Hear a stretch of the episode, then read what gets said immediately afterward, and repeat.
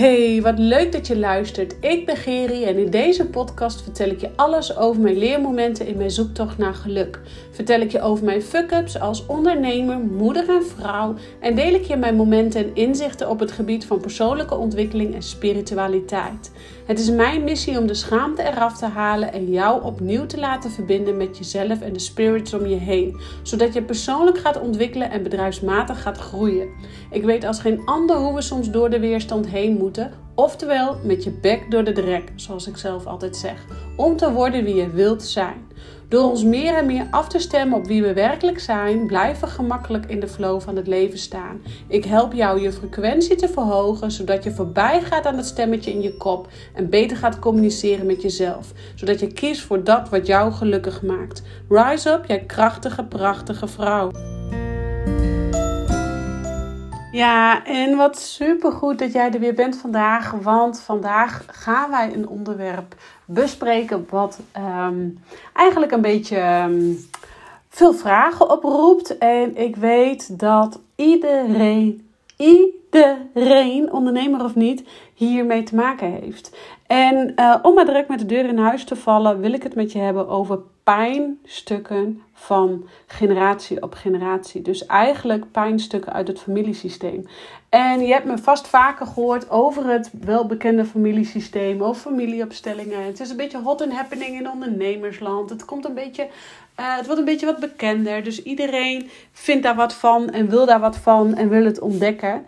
Um, ja, hoe het eigenlijk zit, ga ik je heel kort vertellen. En wat hypnose daar met name uh, voor, in, in kan betekenen. En ik heb daar een tijdje geleden ook een podcast over opgenomen. Dat is volgens mij podcast 100. 42, als ik het zo goed heb, hypnose en familieopstellingen. En um, ik had vandaag een DM-gesprek met een dame. En um, ja, zij. zij uh, ik was met haar in contact geweest. Ze, was, had mij DM gestuurd. En via DM kwamen we eigenlijk aan de praat. En wat hypnose dan voor haar zou kunnen betekenen. En toen zijn wij even via uh, een aantal DM'tjes met elkaar dus in gesprek geweest. En wat het dus was, ik ga geen namen noemen, maar ik ga wel even een, een, een voorbeeld geven. Zij um, liep vast in bepaalde persoonlijke stukken in de zin van. Er zijn wat, ik voel wat emoties. Ik voel me namelijk schuldig naar mijn kinderen toe. Want sinds dat ik aan het ondernemen ben, kan ik er niet altijd zijn voor mijn kinderen. Uh, dat, zo ervaarde ze dat. Ook heeft zij in het verleden best wel een heftige periode meegemaakt. Toen zij uh, zwanger was en net bevallen was. Uh, dat ze daarna in een depressie terecht kwam. En dus niet voor haar gevoel voldoende kon zijn voor haar kind. En um, haar oudste kind. En dat heeft haar best wel nu het gevoel gevende van schuld. Het gevoel hebben van ik ben schuldig. Of ik, ik heb mijn kinderen tekort gedaan. Of ik heb ze niet goed opgevoed. Of, of hè, wat, dat dan, wat het dan ook mag zijn. En um, dat schuldgevoel, dat herkent, denk ik, en kent, denk ik, iedere ouder. Ik kom daar direct maar even uh, mee in, in, om de deur. Uh, ik denk namelijk dat iedere ouder zich herkent in het gevoel: ik heb tekort geschoten, ik heb het niet goed gedaan, ik heb het niet goed gedaan op dit vlak. Ik denk ook dat het heel menselijk is dat je dat voelt. Um, want omdat wij dat vaak zelf ook hebben ervaren uit onze jeugd. En, en, en wij zijn opgevoed door onze ouders. En hoe vaak zeg je als puber wel niet... Nou, later als ik kinderen heb, doe ik het echt niet zoals mijn ouders hebben gedaan. Ja, dikke bullshit. Dat doe je natuurlijk wel. Want je neemt gewoon dingen aan van... Um, je neemt gewoon dingen aan van, van het DNA. Wat wel, hè, vanuit je opvoeding, om zo maar even te zeggen. Uh, en daar ben je natuurlijk niet altijd even bewust van. En dat is oké, want uh, dingen lopen zoals ze lopen, dingen gaan zoals ze gaan. En jouw kinderen hebben ook letterlijk gekozen voor in dit leven om bij jou als moeder of bij jou als vader deze stukken aan te kijken en te leren. Dus het is niet meer dan normaal dat uh, een kind dit stuk dan aankijkt, wat het dan ook is. Hè? Uh, maar het is dus ook niet meer dan normaal dat jij daar als ouder een schuldgevoel op hebt. Want laten we eerlijk wezen, je wil het aller, allerbeste voor je kind. Uh, je gunt je kind het allermeest. Je gunt je kind alles van de wereld. Alle ruimte, alle vrijheid, alle geld, alle mogelijkheden. Ehm, en toch hebben wij bij tijd en wijle dat we ze moeten beperken uit uh, bescherming of uit het leren aangeven van grenzen of, of wat dat dan ook is. En um, wat, ja, nou ja, wat er eigenlijk met het gesprek uit voortkwam, was dat zij zich dus schuldig voelde ten opzichte van haar kinderen, met name haar oudste. Dat zij er niet volledig uh, voor haar oudste even geweest kon zijn, omdat zij dus een, een periode van depressie heeft gehad. En ik herkende mij dus als geen ander in dit verhaal.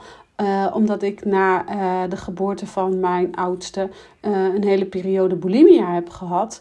Um, waardoor ik voor mijn gevoel de eerste zes jaar ook niet echt hier in het nu aanwezig was bij haar. Omdat ik druk was met tussen aanhalingstekentjes overleven.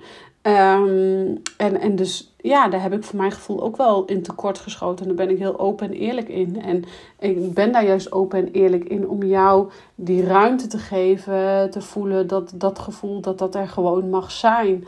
En um, waarom ik dit dus met je deel is dat. dat um, wij kwamen dus in het, in het DM-gesprek, kwamen dus met elkaar in gesprek. En uh, al heel snel um, kwamen er ook achter. We waren even met voiceberichtjes aan het praten. En toen zei ik, ja, maar hey, hoe zit dat met jouw ouders? Toen kwamen we even bij haar ouders terecht. En toen bleek eigenlijk, haar vader is overleden.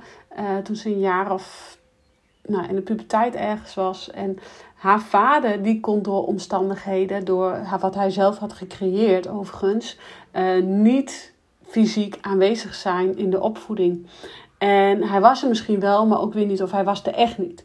En uh, dat effect, uh, hij was dus overleden en doordat hij dus overleden was, was hij in, niet in de fysieke wereld in staat om voor zijn dochter te zorgen, maar wel vanuit de engelenwereld was hij in de mogelijkheid en in staat om nu voor haar te zorgen. Dus ik, waren in contact, in DM-contact. En toen zei ik ook zo van, ja, maar jouw vader is nu bij jou. Nu staat hij naast jou. Nu voel ik hem bij jou. En wat jij voelt, dat schuldgevoel wat jij nu ervaart, is niet alleen maar van jou in dit leven. Uh, maar er zit ook een gedeelte in wat van jouw vader is. En het feit dat ze dat toen tijdens dat gesprek zo kon, kon inkoppen, was al een heel mooi bewustwordingsmoment. En zo, uh, dat, zo voelde het bij haar ook alsof ze toen even oh, dat er verlichting kwam. En um, wat blijkt nou? We zijn daar verder op uit gaan zoeken. Dat was niet alleen van haar vader, maar dat was ook nog van die vader. En dat was ook nog van die vader. En nou, dat maak ik dus vaker mee in, in, in sessies, in sessies met mensen. Dat wij heel vaak dus emoties en patronen en gedachtegoed meenemen van onze ouders en van onze voorouders. En um, ja, ik moet zeggen dat uh, dat wij dat allemaal dus bij allemaal bij tijd en wijle ook mogen aankijken. Dat we ook bewust mogen worden van die conditionering die we hebben meegekregen. Dat dat misschien niet altijd de waarheid is. En um, ja, ik heb dat wel eens geleerd van... Um, uh, Kim Munnekom, zij is, een, uh, is een business coach van mij en zij vertelde het aan de hand van een marketing tool. En zij vertelde dus zo, ik weet niet helemaal precies meer wat het was, maar dat uh, een man vroeg aan zijn vrouw: Goh, waarom snij je altijd de stukken vlees van de zijkant van het vlees af? En toen zei die vrouw, ja, dat doe ik omdat het zo hoort. Mijn moeder deed dat. En toen gingen ze vragen aan die moeder, goh mam, waarom snij je eigenlijk altijd die stukken van de zijkant van het vlees eraf? Ja, dat hoorde zo, dat, dat deed ik gewoon al zo, dat deed mijn moeder ook. Toen ging ze aan die oma vragen, goh, waarom uh, snij, snij je altijd die stukken aan de zijkant van het vlees eraf? En toen zei die oma, ja, omdat de pand klein was. Dus zo zie je maar hoe dingen van generatie op generatie als waar worden aangenomen. En dit gaat dan even om een stuk vlees. Uh, maar zo gaat het ook met conditionering en, en, en emoties die we meenemen van generatie op generatie op generatie. Dus je kunt je zo voorstellen als jouw opa in de, in de um, in de oorlog misschien wel een, een, vechter, een strijder is geweest. En uh, dat daar natuurlijk angst heeft gelegen, omdat hij misschien in een gevechtgebied heeft gezeten. Uh, die angst wordt doorgegeven van vader op zoon en, en wellicht ook weer op jou. En dan kan het maar zo zijn dat je angst met je meedraagt, die dus helemaal niet van jou is. Of misschien, hè, dat, dat zou eventueel kunnen. Uh, maar wat dacht je dus in dit geval van deze dame met het, het, het gevoel van ik heb gefaald, ik heb mijn kinderen tekortgeschoten. Dat was nou ja, ik denk misschien uh, eh, 35% van haar. En de rest was echt van haar vader. Want haar vader stond achter haar met de hand op zijn, hand op haar schouder. Echt zo in die schuldgevoel. Van die voelde zich zo enorm schuldig naar haar. En toen dacht ik, och, meisje toch, dat schuldgevoel wat jij nu uitspreekt is niet van jou, maar is van jouw vader. En je vader geeft het aan jou. Nu laat het jou letterlijk horen, omdat hij zich schuldig voelt. Maar wat gebeurt er? Zij ging het zelf oppikken als dat zij zich schuldig voelde. Snap je een beetje wat ik bedoel? Dus soms is het heel fijn om inzichtelijk te krijgen dat wij emoties en gevoelens overnemen van uh, onze ouders of onze voorouders of die ouders daarvoor. Dus het is heel belangrijk met hypnose, uh, gaan we daar onder andere ook mee kijken met de gestaltherapie, um, om eens te gaan kijken waar komt die emotie vandaan en is die wel echt van jou? Want A, als die echt van jou is, dan kan jij daar ook middel goede uh, oefeningen en, en, en technieken, kan je daar los van komen. En kan je het patroon waar je in zit gaan doorbreken. Is die niet van jou, dan kan je het ook losklikken en kan jij de vergeving in met, met, met, met de energie van doen. En, en kan jij voorwaarts gaan bewegen en kan jij groeien als persoon. Dus het hoeft niet zo te zijn dat alles wat we op willen lossen Ehm, dat dat per se moet met een persoon die leeft. Of, of hè, dat kan ook met een overleden persoon. Maar het kan ook zijn dat het met een levend persoon is, maar die niet in jouw leven is. Nogmaals, die gestaltherapie werkt op de energie. En alles is energie. Dus of het nou een overleden energie is of een levende energie, it doesn't matter. Alles is energie. En dat is dus ook het zo mooie van die gestaltherapie techniek. En die brengt jou echt, um, ja, wil je hier meer over weten, zou ik zeggen, trek me maar aan de bel een één op één. Want dit geeft je zoveel inzichten. Hé, wat is van mij en wat is van de ander? En wij zijn nou eenmaal van de generatie, de, de, de, de dertigers tot en met de. Uh, zeg maar de dertigers, 28 dertigers tot en met de, de vijftigers, zeg maar, zijn de generatie nu die patronen in het familiesysteem mogen doorbreken. En heel af en toe zit daar een uitschieter bij naar wat jonger of een uitschieter bij naar wat boven. Zo heb ik ook een, een klant die wat jonger is. Zij is uh, begin 20, maar zij is zo spiritueel ontwikkeld, zo energetisch ontwikkeld, waardoor zij nu deze stukken al kan aankijken.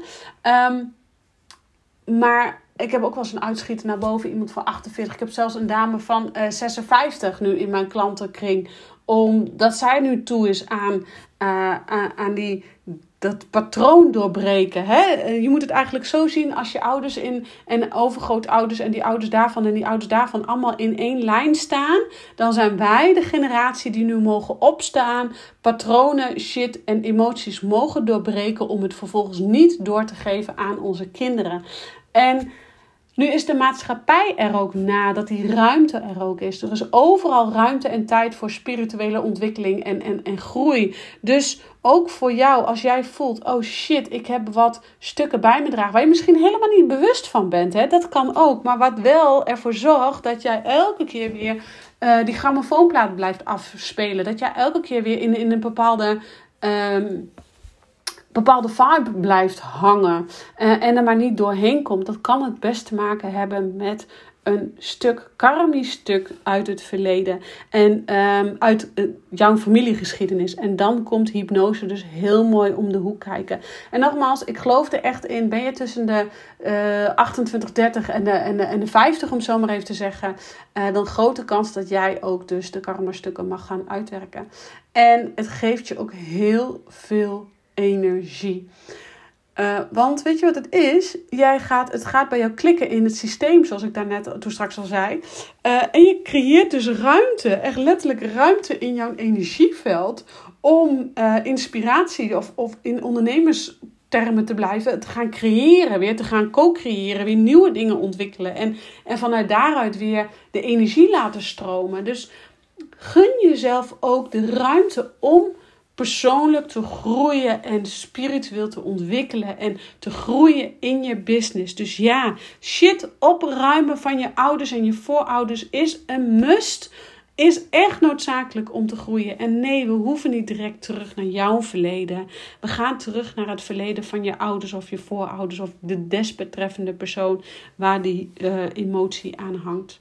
Dus Ehm, ik denk dat echt iedere ondernemer hierbij gebaat is om dit stuk aan te kijken. Omdat het jou zo. Dit is eigenlijk het onkruidwieden, om zo maar te zeggen. In jouw hele, hele energetische lichaam. Het onkruid eruit trekken. Zodat je ruim baan maakt voor wie jij in essentie bent. En dan kan jouw innerlijke vlammetje ook weer groeien. Dan kan je innerlijke waakvlam kan weer aan. En, en dat wordt dan een fantastisch vuurtje in jezelf. Dat gaat aanwakkeren, dat gaat groeien. En dat dat staat voor plezier, dat staat voor joy, dat staat voor mogelijkheden in plaats van beperkingen. En dan kun je voorwaarts gaan bewegen.